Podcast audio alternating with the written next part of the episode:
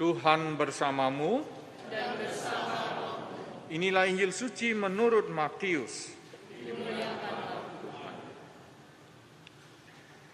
Ketika mendengar bahwa Yohanes Pembaptis telah ditangkap, Yesus menyingkir ke Galilea. Ia meninggalkan Nazaret dan diam di Kapernaum, di tepi danau, di daerah Sebulon dan Naftali. Dengan demikian digenapilah firman yang disampaikan oleh Nabi Yesaya. Tanah Sebulon dan tanah Naftali, jalan ke laut, daerah seberang sungai Yordan, Galilea, wilayah bangsa-bangsa lain. Bangsa yang diam dalam kegelapan telah melihat cahaya yang besar, dan bagi mereka yang tinggal di negeri yang dinaungi maut telah terbit cahaya. Sejak itu Yesus mulai memberitakan, "Bertobatlah, sebab kerajaan surga sudah dekat." Ketika Yesus sedang berjalan menyusur danau Galilea, ia melihat dua orang bersaudara, yaitu Simon yang disebut Petrus dan Andreas saudaranya. Mereka sedang menebarkan jala di danau, sebab mereka penjala ikan. Yesus berkata kepada mereka, "Mari, ikutlah aku, dan kamu akan kujadikan penjala manusia." Mereka pun segera meninggalkan jalannya dan mengikuti Yesus. Setelah pergi dari sana, Yesus melihat pula dua orang bersaudara yang lain lagi, yaitu Yakobus anak Sebedeus dan Yohanes saudaranya, bersama ayah mereka Sebedeus. Mereka sedang membereskan jala di dalam perahu. Yesus memanggil mereka, dan mereka segera meninggalkan perahu serta ayahnya, lalu mengikuti Yesus. Yesus pun berkeliling di seluruh Galilea, ia mengajar dalam rumah-rumah ibadat dan memberitakan Injil Kerajaan Surga, serta menyembuhkan orang-orang di antara bangsa itu dari segala penyakit dan kelemahan mereka. Demikianlah sabda Tuhan. Silakan duduk. Saudara-saudariku,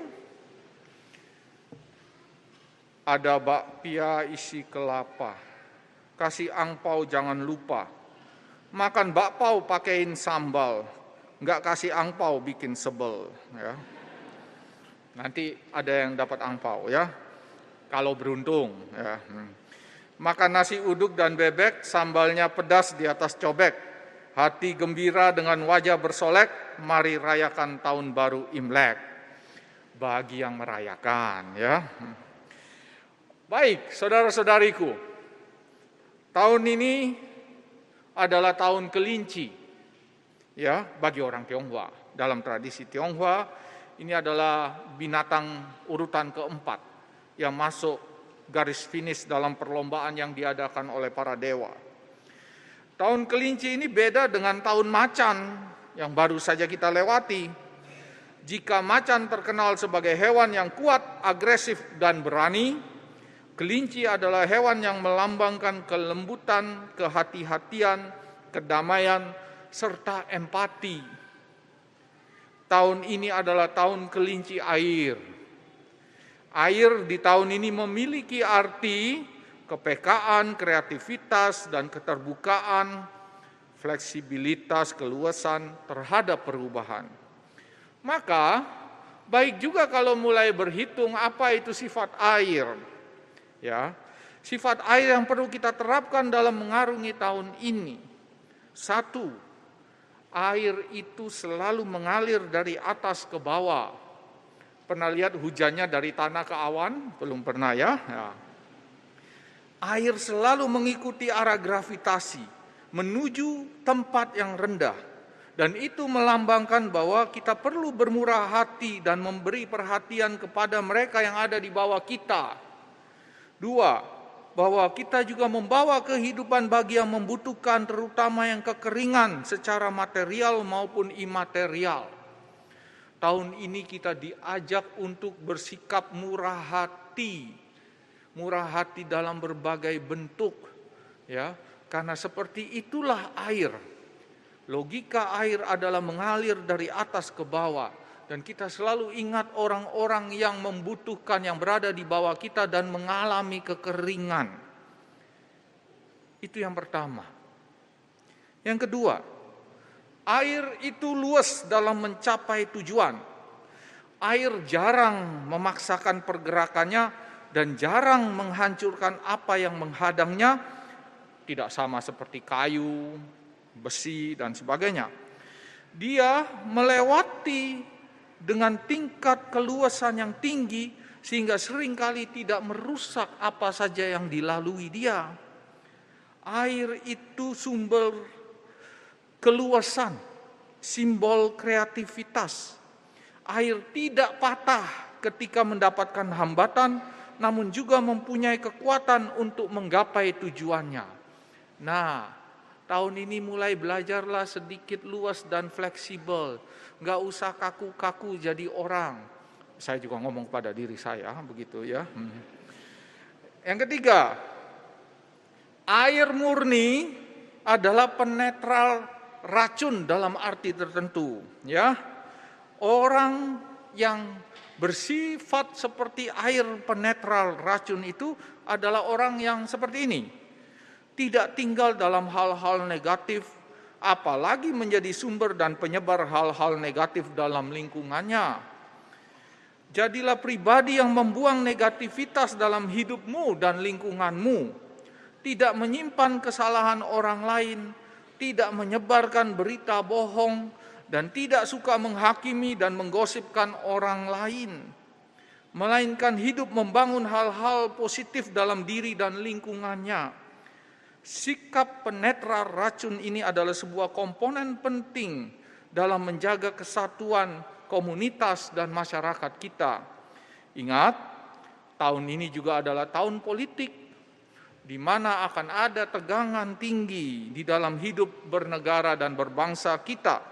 Ya, mari kita menjadi orang-orang seperti apa yang dikatakan oleh Santo Paulus dalam bacaan kedua hari ini. Ya, harus bersatu dan bersatu karena Kristus. Apa pun pilihan politik Anda, ketika Anda berhadap-hadapan dengan Tuhan, Anda semua adalah satu. Jagalah kesatuan itu. Perjuangkanlah persatuan itu dalam gereja dan masyarakat kita. Ya. Jadi, tahun ini kita juga diajak lebih dari sekedar sekedar hanya menjadi orang yang peduli dengan diri kita, tetapi dengan sifat air yang luas dan menetralkan racun itu maka kita juga mau menjaga dan memperjuangkan persatuan negara dan bangsa ini. Tahun politik banyak kegiatan politik dan kita perlu menyadari. Lalu kalau melihat semuanya itu, kelinci dan air digabungkan, apa artinya? Kalau kelinci melambangkan kehati-hatian, kewaspadaan, Berarti kita tahun ini juga harus lebih untuk apa? Untuk introspeksi diri, masuk ke dalam diri dan tidak tinggal di dalam diri saja, terkungkung di dalam diri saja, sibuk dengan diri saja, tetapi bergerak keluar seperti air. Maka kombinasi kelinci air itu adalah kombinasi di mana orang diajak untuk hati-hati, waspada, dan juga penuh dengan introspeksi diri, supaya apa? Nanti bisa berguna bagi yang lain. Ya. Di tahun ini kita juga melihat ya bahwa kita perlu untuk mengambil sikap kelinci itu apa? Caring, merawat, empati dengan yang lain. Dan itu membuat kita apa? Membuat kita akan menjadi lebih mudah. Tahun baru Imlek itu seperti memberi hin. Di antara semua keutamaan-keutamaan yang ada di dalam hidup kita manusia, tahun ini prioritasnya apa?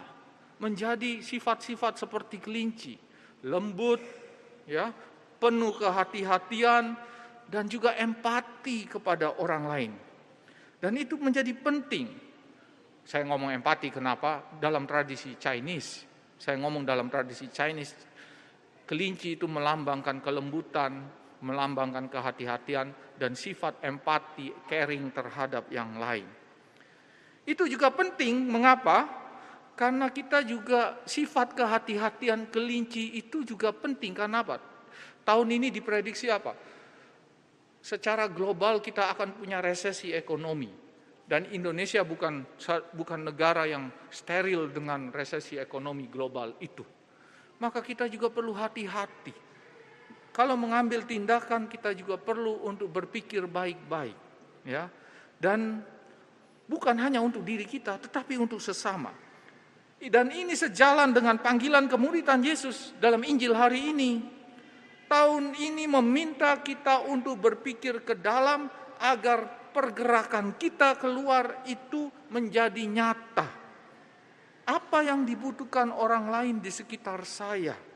Apa yang dibutuhkan komunitas saya? Apa yang dibutuhkan negara saya teristimewa dalam tahun politik ini? Bagaimana saya bisa membuat diri saya melayani komunitas dan gereja saya? Sifat kelinci dan air. Kalau kita semua tanpa kecuali melakukannya, bersatu, membawa damai, penuh kesadaran bahwa kita perlu berhati-hati membuat keputusan, serta berpatokkan pada janji Allah di dalam bacaan kita hari ini, Yesaya. Apa itu? Penindasan akan berlalu, dan terang akan bersinar, kita tidak perlu takut. Tahun ini akan berjalan sesuai dengan apa yang Allah janjikan kepada kita, sesuai yang tertulis dalam bacaan pertama di kitab Yesaya. Terang telah bersinar atas mereka yang diam di negeri kekelaman. Engkau ya Tuhan telah banyak menimbulkan sorak-sorai dan sukacita yang besar. Syaratnya apa? Ingatlah sifat kelinci dan sifat air yang saya katakan itu. Orang yang penuh kewaspadaan, hati-hati, sekaligus lembut dan penuh empati dengan orang lain, sembari menggabungkan dengan apa? Dengan tiga sifat air itu. Satu yang selalu bergerak ke bawah, ya, menolong mereka yang membutuhkan, yang berada di bawah dan menghidupkan dengan mengusir kekeringan yang kedua, penuh dengan keluasan, menghindari bukan menghindari, melewati segala rintangan dengan penuh keluasan, ya, fleksibilitas. Dan yang terakhir bahwa kita itu perlu untuk menjadi penetral racun. Dan itu penting di dalam hidup kita. Saudara-saudariku, dalam hidup selalu ada kerikil dan batu. Maka kadang-kadang kita perlu punya batin yang khusus. Imlek itu asa baru dan harus bermutu, juga semangat menjadi murid Kristus. Sama seperti apa yang dikatakan oleh Injil hari ini. Ketika Yesus panggil murid-muridnya, apa yang dia katakan? Bertobatlah kerajaan Allah sudah dekat. Yesus menunjukkan kepada murid-muridnya untuk terarah kepada orang-orang di luar sana. Dan kita tahun ini juga mau diajak untuk keluar. Kita sebelumnya harus introspeksi diri dulu, baru kita keluar menjawab tantangan dan dari lingkungan kita. Itu yang Yesus mau. Dan ikutlah Tuhan dahulu, hidupmu jadi tanda kemuritan.